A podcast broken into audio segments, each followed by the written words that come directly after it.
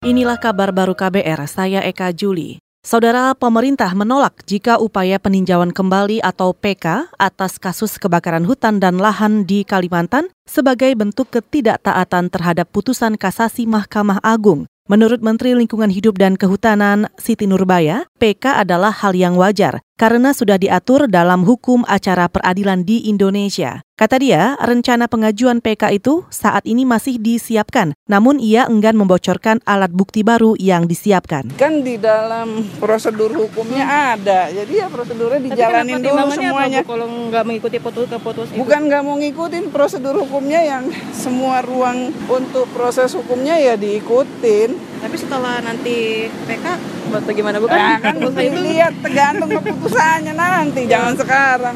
Itu tadi Menteri Lingkungan Hidup dan Kehutanan Siti Nurbaya. Pekan lalu, Mahkamah Agung memfonis Presiden Jokowi dan sejumlah instansi yang terbukti melakukan perbuatan melawan hukum atas kasus Karhutla di Kalimantan pada 2015 silam. Putusan itu menguatkan putusan tingkat pertama di Pengadilan Negeri Palangkaraya dan Pengadilan Tinggi Kalimantan Tengah. Jokowi beserta para menterinya dinilai tidak menjalankan kewajiban untuk menciptakan kualitas lingkungan hidup sehat untuk rakyat.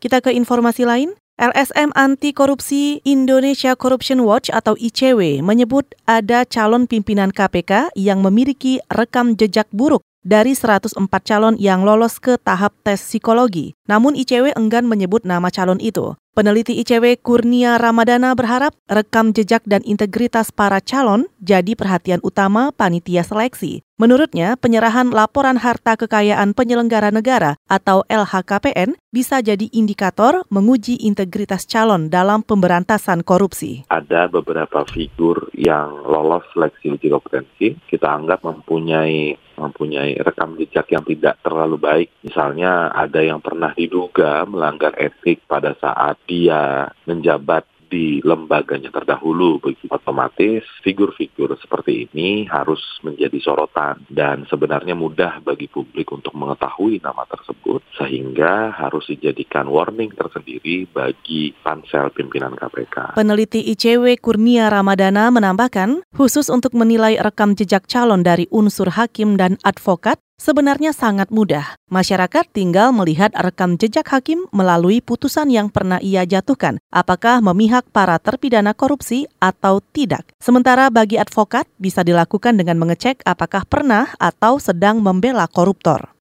Saudara, KPK hari ini akan memeriksa sejumlah saksi kasus korupsi pemotongan uang pembayaran SKPD dan gratifikasi jabatan di Bogor. Selengkapnya disampaikan reporter KBR Mutia Kusumawardani langsung dari Gedung KPK Jakarta. Hari ini, Komisi Pemberantasan Korupsi KPK menjadwalkan pemeriksaan untuk dua pejabat pemerintah Kabupaten Bogor, yaitu Kepala Dinas Sosial dan Ketenaga Kerjaan Yow Sudrajat. Dia diperiksa sebagai saksi untuk tersangka bekas Bupati Bogor Rahmat Yasin. Yowus dianggap penyidik KPK mengetahui korupsi pemotongan uang pembayaran Satuan Perangkat Kerja Daerah atau SPKD dan gratifikasi terkait jabatan Rahmat Yasin. Selain Kepala Dinas Sosial dan Ketenaga Kerjaan, Lembaga Anti Rasuah Dewa juga memeriksa bendahara Dinas Kesehatan Pemkap Bogor, Kadarwati. Kemarin, KPK juga memeriksa dari unsur Dinas Pemkap Bogor, yaitu Kepala Dinas Peternakan dan Perikanan, Sutrisno, dan Sekretaris Dinas Kesehatan, Ati Irafati Dewi. Saudara, sebelumnya Febri menyampaikan bahwa Rahmat diduga meminta, menerima, atau memotong pembayaran dari beberapa satuan kerja perangkat daerah sebesar 8,9 miliar rupiah. Itu tadi laporan reporter KBR Mutia Kusuma Wardani langsung dari Gedung KPK Jakarta.